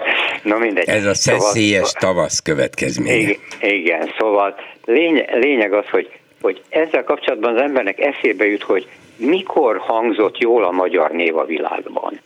És nagyon jól hangozhatott 1848-as forradalom idején, ha a világban tudtak volna róla igazán. Mert hogy a kommunikáció sokkal kezdetlegesebb volt, sokkal lassabb volt, nem jutott el időben a hír sehova, és mire, mire eljutott, addigra már nem volt forradalom. Addigra már leverték, igen, igen, igen, de aztán óriási visszhangja lett, hát Kossuth végigjárta az egész igen. világot. Kossuthot nagy nagyon megdicsérték, hogy egy szavát se értik, de nagyon szeretik ezt a lelkesedést, ahogy elmondta angolul az ő angolságával. Na mindegy. Lényeg, lényeg az, hogy a következő ilyen egyértelmű, nagyon szimpatikus pont a világban a magyar történelem cselekedeteiből, részvevőitől az 56-os forradalom. Tehát addig, ameddig, a, meg vagyok még? I, hát hogy ne? Olyan, olyan nagyon csöndben volt. Hát figyelem a, a következőt. 48-tól most 56-ig, igen. 56, 56-ban 56-ig mi utolsó csatlósa voltunk Németországnak. Az 56-os forradalom helyére tette egy kicsit a magyarokat, sőt, még egyfajta talán nem teljesen kiérdemelt bizalmat is megvalós, azt is kínált, és igen sok honfitársunk örömmel fogadta ezt, és őt is örömmel fogadták, amikor a, a orosz, mondhatnám nyugodtan, hogy az orosz ellenforradalom leverte a forradalmat, és ezért diszidálni, vagy az leginkább, nem szeretem ezt a szót, hogy diszidálni, inkább hazáikat elhagyni kényszerültek. A diszidálás ugyanis árulást jelent eredeti jelentésében. De ez egy olyan pont volt, amikor ismét, büszke, ismét jó volt magyarnak lenni, büszkeség tölthette el a magyarokat. Nem úgy, mint hogy az ellenpéldát is mondjak a nagyon régi korból, a, a szitja gondolkodás az kiválóan megvalósult akkor, amikor a magyarok kalandoztak. Én jártam Svájcban többször is, és Szent Gallenben van egy kút, nem tudom, hogy hányan ismerik, hogy annak mi a története, de az ottaniak úgy magyarázták, hogy az akkori nagyon kegyetlen, durva, talán mondhatom azt, hogy szitja szellemű magyar kalandozásnak fontos szerepe volt, ugyanis akik nem gyilkoltak le, azt beledobták a kútba. No mindegy. Remélem, hogy a szitja gondolkodás visszahozása a magyar hadseregbe, amit az új vezérkari főnök volt szíves kifejteni, nem ezt jelenti. Hát nagyon remélem, hogy nem ezt jelenti. Nagyon ö, ö, érdekes módon nem annyira ö, nagy hatással, mint ahogy a, 56-os október volt a világra, de a rendszerváltás is egy ilyen pillanat volt.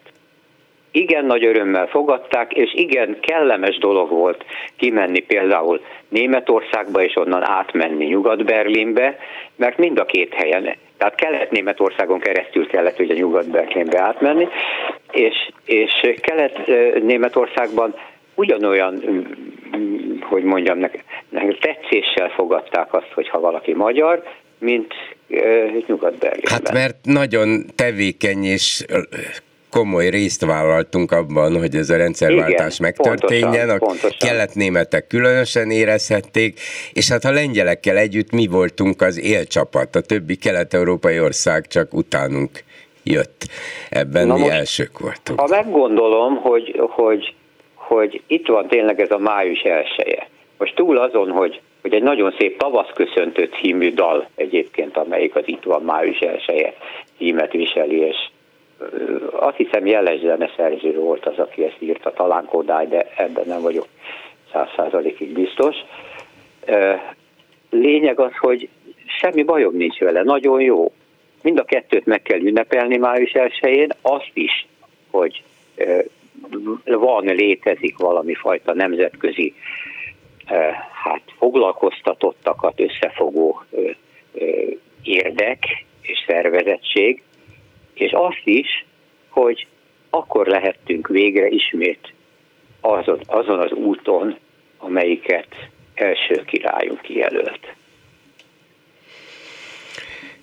Jó, hát értem. Ismer esetleg olyanokat, akik hajlandók lennének a parlamentben például ezt javasolni, hogy legyen egy ez a úgy nemzeti ünnep, hogy ez bizony az Európa ünnep. Hát javasolni talán volna rá hajlandó képviselő, igen, olyan párt, amelyik az Európához való tartozást és csatlakozást nagyon fontosnak tartja, nem csak múltbeli, hanem jövőbeli szempontból is, hogy, hogy erre van az utunk, és ezért büszkének kell lenni rá, és örülnünk kell neki, de, de az, abban viszont biztos vagyok, hogy a fideszes többség ezt nem fogja pártolni. Ö, igen, én nem is a fideszes parlamenti többségben bízom, hanem talán azoknak a fideszes szavazóknak a többségében, akik, akik, akik ide tették a voksukat, de azért hajlandók megfontolni azt, hogy, hogy tényleg ez egy nagyszerű dolog, hogy az unió tagjai lehet. Hát igen, igen, így van. Ezt érdemes volna megünnepelni valóban, de május 1 szerintem nem kéne vagy ezzel, vagy amazzal kiegészíteni. Május 1 önmagában egy fontos ünnep. Szerintem mindenki tudja is Magyarországon is, hogy ez a munkaünnepe, és lehet azt mondani éppen, hogy nem szeretem a munkámat, vagy halára dolgozom magam, meg kizsákmányolnak sok minden, de a munkához való jog az egy alapvető jog, minél jobb munkához való jog az is, aztán annak érdekében kell küzdeni, hogy ez egyre több embernek lehetővé váljon, szóval ne felejtsük el ezt megünnepelni, ez önmagában épp elég, nem? Hát én csak kiegészíteni gondoltam ezzel a igen. másikkal. Hát lehet emlékeztetni rá. magyar. Igen, igen, igen. Köszönöm szépen. Én viszont hallásra. Minden jót, viszont hallásra. Álló, jó napot kívánok. Nem kívánok jó napot, mert megszakadt, ugye? Akkor itt van éppen Lőrinc Csaba, hogy elmondja, hogy a Facebookon mit írtak. Szia Gyuri, köszöntöm a hallgatókat. Az egyik első betelefonálód el is indította a komment cunamit, aminek egy... Ja, a Budaházit pártoló. Igen, ha, ezt igen. egy kérdésben úgy, úgy tudnám felszfogalni, mikor avatják szenté Budaházit? Hát, miután Böjte Csaba is imádkozott a szabadon bocsátásáért gyerekekkel együtt, még ez se kizárt, hogy majd valamikor. Meredek.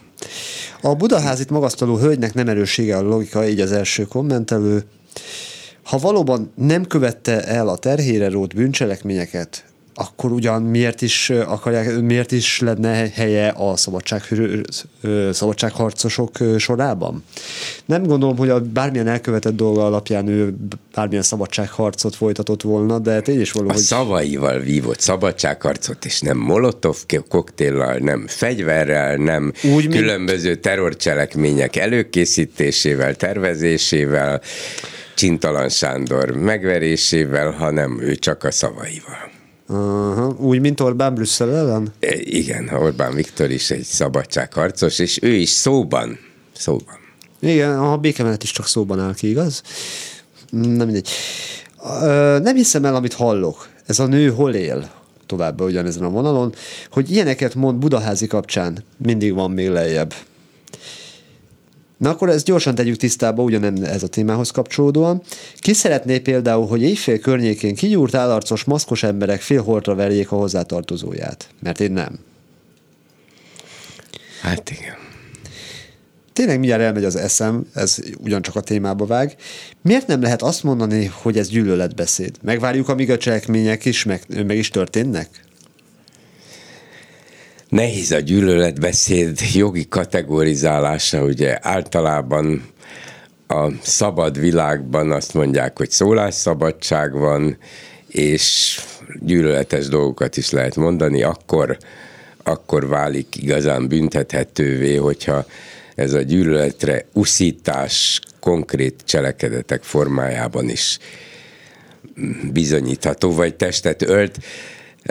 Ugye az a baj, hogy a gyűlöletbeszéd elhangzik, nem rögtön, ha csak nem rögtön indulnak valahová a gyűlölködők, hogy valakin bosszút álljanak, megüssék, megöljék, nem tudom, mit csináljanak, akkor, ha nem csak egy hét múlva, két hónap múlva, és, és akkor közben lehet akkor nehéz, nehéz bizonyítani, de hogyha folyamatosan elhangzik a gyűlöletbeszéd, és az emberek számára egyre természetesebbé, magától értetődőbbé válik. Sőt, már hogy, észrevehetetlenebb. Igen, és akkor már szinte maguk indulnak útnak, hogy a gyűlöletbeszéd terjesztőinek a követeléseit, vagy javaslatait, vagy sugallatait valóra váltsák, hát akkor viszont tömeges bűncselekmény lesz belőle.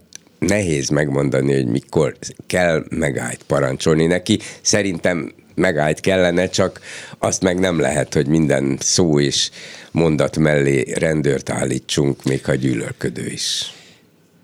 Akkor a második gondolat, ami nagyon-nagyon megfogta a kommentelőket, szitja gondolkodás, a emberek, az meg mi? És erre a válasz, az első betelefonáló példája a szitja gondolkodásmódnak. Hát lehet, hogy a budaházi akkor valamilyen állást fog kapni a honvédségnél csak nekem fut akkor a hideg a hátamon el gondolatra? Na, mindegy. Magyar szitja nukleáris elrettentés. Hinnye az anyját neki így a következő kommentelő. Újabb lépés sikerült megtenni, felharsant, felharsant a szitja kürt.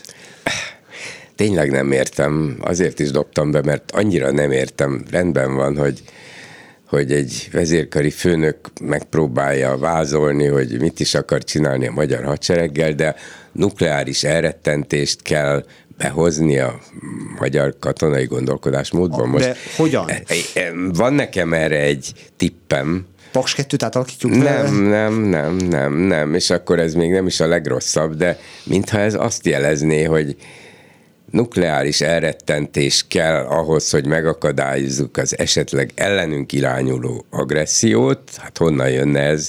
Szerintem csak Oroszországból, ezt gondolom, még a magyar politika vezetői is tudják. És hogy lehet ezt a nukleáris elrettentést megcsinálni, megvalósítani, ha engedélyezzük, hogy az Egyesült Államok nukleáris fegyvereket telepítsen ide. Nem mondtak ki, de én más fordítását ennek a mondatnak nem tudom. Más logikus és ez, fordítás. És ez, ez sokkal jobb annál, mintha megvárnánk, hogy bejöjjenek az oroszok, és megint nukleáris rakétákat helyezzenek el ide egyszerűen nem tudom elképzelni, de az a baj, hogy ehhez képest... A hitja a gondolkodásmódra, arra nincsen semmilyen magyarázatom. Erre még valamilyen van. Igen, de ez a magyarázat is meglehetősen riasztó. Hát, de nem mondom, hogy le, le, én, ennél sokkal riasztóbb, hogy ugye annak a kormánypárti propaganda portálnak a, a egyik vezető munkatársának a kijelentését idéztük, vagy a cikkét, vagy Facebook bejegyzését, hogy töröljék el május 1 elsőjét, illetve hát az ünnepet, mert ez egy idegen ünnep, de ugyanez a portál most rendkívüli hírben közli, itt a világháborús fenyegetés. Az orosz határ közelében az amerikaiak. Na most ebből az következik, hogy az amerikai hadsereg elindult az oroszok felé. Már mindjárt át is fogják lépni a határokat. Itt a világháború, álljunk meg. Mi ezzel szemben a hír, ami a cím alatt van, hogy egy vezető finn újság arról ír, hogy Finnország tárgyalásokat kezdett az Egyesült Államokkal egy katonai bázis létesítéséről. Hű a mindenit! Finnország, amely NATO tag, amerikai segítséget kér. Igen, van ilyen. Európában vannak amerikai katonai bázisok, és azért vannak, hogy az oroszoknak eszik, eszükbe ne jusson megtámadni ezeket az országokat, mert akkor kemény ellenállással kell szembenézniük. De nem arról van szó, hogy az orosz határ közelében az amerikaiak azt se tudjuk, hogy mi lesz ezen a katonai bázison, azt se tudjuk, hogy mennyire lesz az orosz határ közelében, azt tudjuk, hogy Finnországot megvédi az Egyesült Államok és a NATO többi tagja.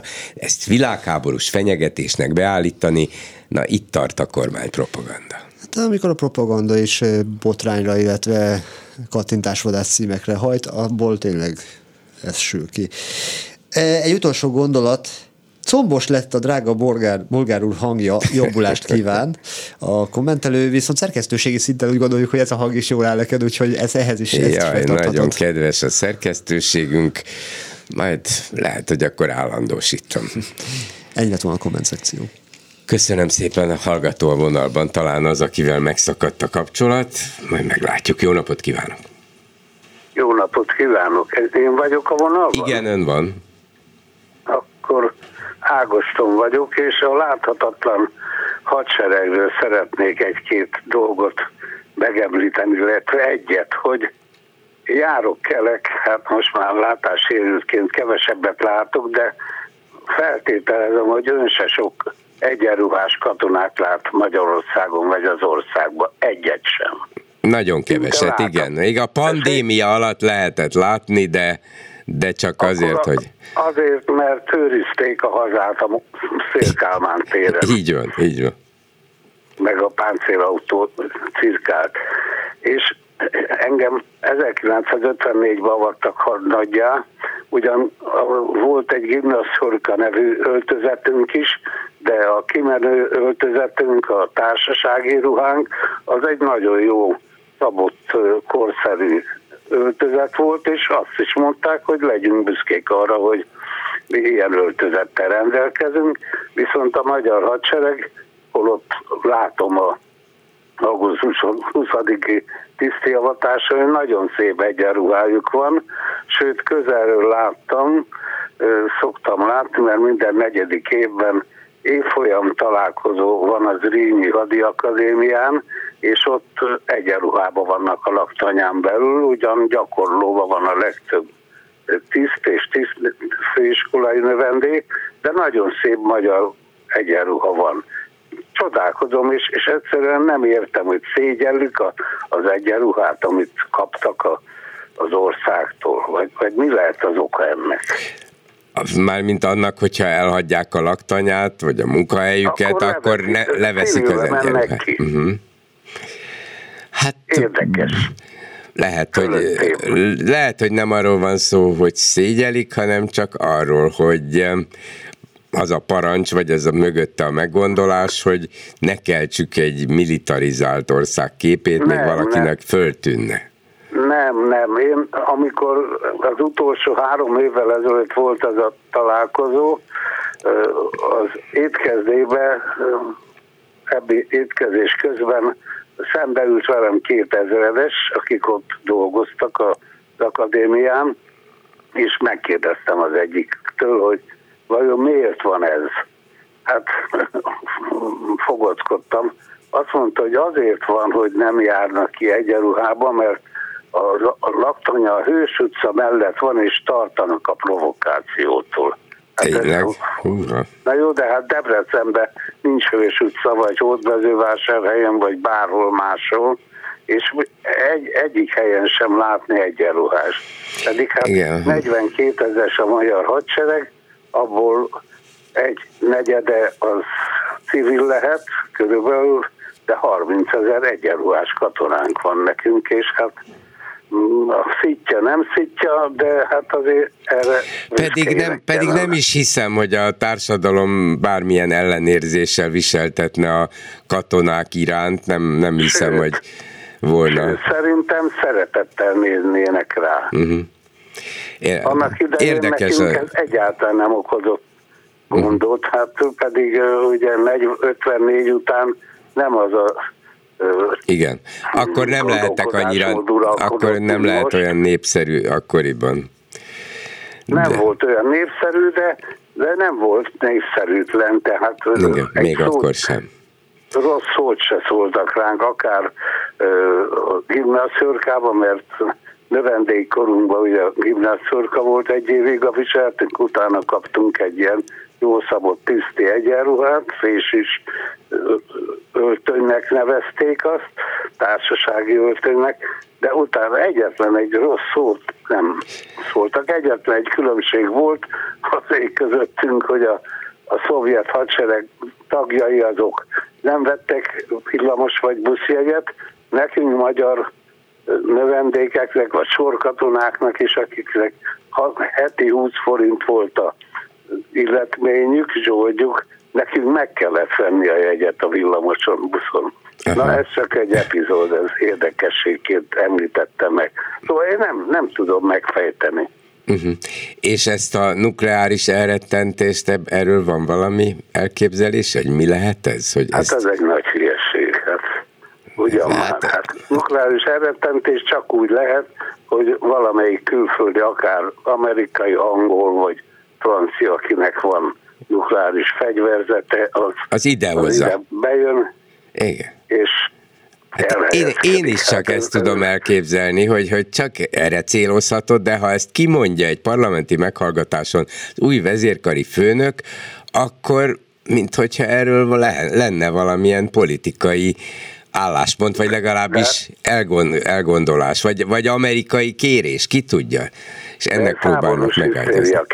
szerintem egyrészt. Az is lehet, igen, igen, igen. Mert hát mi arról beszélünk, hogy az ukránok milyen naívak voltak, hogy lemondtak a nukleáris erőikről, és ártatták, a, vagy megsemmisítették, nem tudom, és akkor mi meg ezzel kezdjük, vagy nem mi, hanem ez, a, ez az új, régi, alig használt vezérkari főnök meg ilyen székfoglalót tart, amit, amit szerintem senki nem kíván tőle az országban, még a, vede, a, Hát igen, igen, igen. Még a politikai vezérkar sem. Nem kényszerítette ki semmi. Igen, igen. És spontán mondott Nagyon. Hát látja, ez is, ez is lehetséges. Na, hát szóval Köszönöm akkor megfejteni szépen. nem tudtuk, segíteni nem tudott, de ön se lát sok egyenruhás gondolom. Nem, nem, nem, nem, nem, nem. Kifejezetten szinte nem lehet látni. Alig hát látni egyált, katonát. Igen, igen, igen. Se Pesten, se vidéken. Akkor ez hát, jó elnevezés, a láthatatlan hadsereg. Így van, mint a rejtőjenő, de hát az a regényében mindenhol látszottak a légionárisok.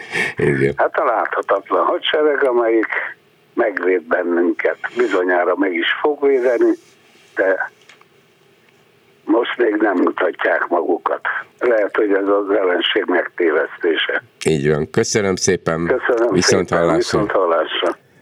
Háló, jó napot kívánok. Haló, én pedig Áron László vagyok. Parancsoljon. Tiszteltem, Bolgár úr, beszélgettünk mi már egyszer-kétszer, nem sok időnk maradt, de talán valami ennyi belefér ebbe a hat percbe.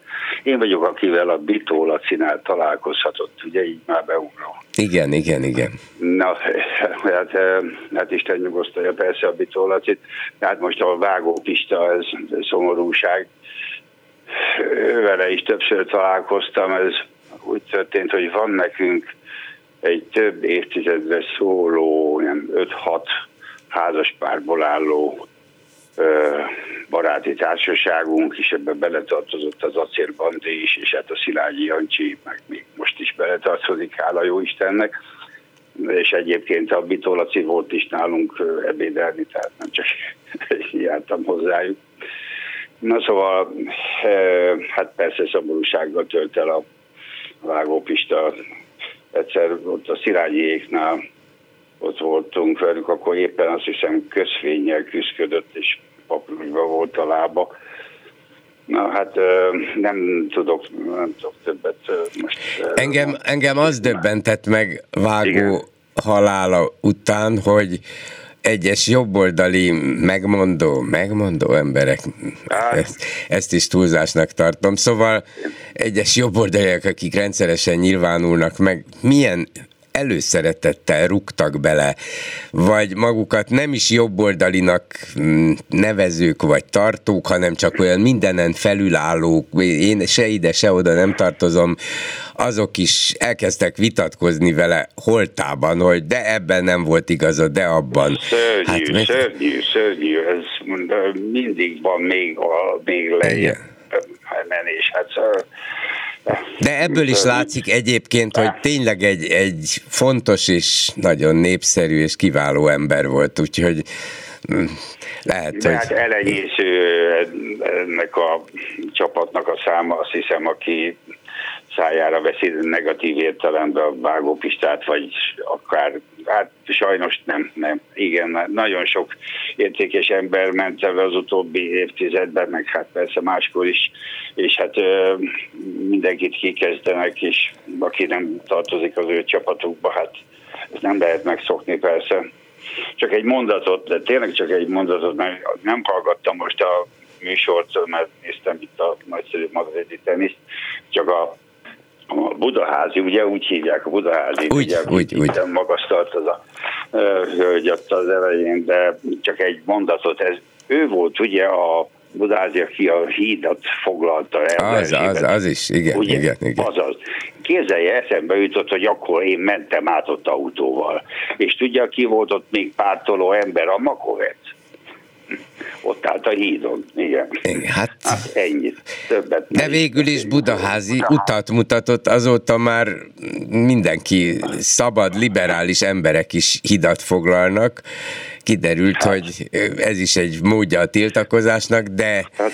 de nem ezért ítélték el terrorcselekmények vágyával, hát, hanem Meg hát, ennél súlyosabb dolgokért. Nem csak az Orbánék, hanem minden jó érzésű ember is bontott már kordont, én magam is, az Istennek ott a szabadságtéri arkangyalos emlékműnél, de, de hát ez csak így nem, nem tudom, most még van három percünk, hogy... Nem, annyi nincsen, egy perce van körül. Na, hát persze. Hát nem tudok már ebben az egy percben, arról akartam, ja, akkor egy ilyen kicsit humoros. Már január elején voltam bent a Kunzsuzsánál egy beszélgetésre ezen a szombatin, és akkor még üzentem is magának, de tegeződhetnénk is, ne haragudjon, ha már itt ilyen szoros barát kapcsolataink vannak. Na szóval akkor üzentem magának egy humoros, mert itt lakom én Budakeszi után egy 7-8 ezeres faluba, és hát ugye, hogy itt nem hallgatják a klubrádiót, szoktuk mondani, meg minden, én meg itt ugye hallgatom, meg sétálok a kis kutyával, és közben hallgatom, és kézzel, hát ez már egy pár éves történet, rám szólt egy idős parasztbácsi, hogy hadd szóljon. ez jó. Úgyhogy Úgyhogy van remény, van remény. Van, van, van, igen. Még egy fél mondat, hogy ugye járni kellene, mindig ezt mondják a szerencsében ellenzéki pártoknak, meg a, hogy, de hát ez, ez, ez megvalósíthatott, ami végig pörgettem az agyambát. Egyébként a Kunhalmi Ági is volt itt egy beszélgetéssel, amikor voltak a választások, de hát voltunk 16-an, hát most mondja meg. Tehát hova menjenek, hova állítsanak be egy kocsmába, mert nincs is kocsma. Hát igen, meg, ott se lehet csak úgy leállni és nem, beszélni. Ez egy jó mondás, hogy el kell menni a falura, igen. és, és akkor ott mit csináljanak, hova menjenek így, így van, a Így van, en, ennél többet kellene kitalálni. Köszönöm szépen, hogy jelentkeztél, jelentkezett viszont hallásra, szervusz. Ezzel a megbeszéljük mai műsora véget ért. Készítésében közreműködött Král Kevin, Lőrinc Saba, Erdei Tünde Lehocki Miriam és Kemény Dániel. Bolgár Györgyöt hallották, viszont hallásra holnap.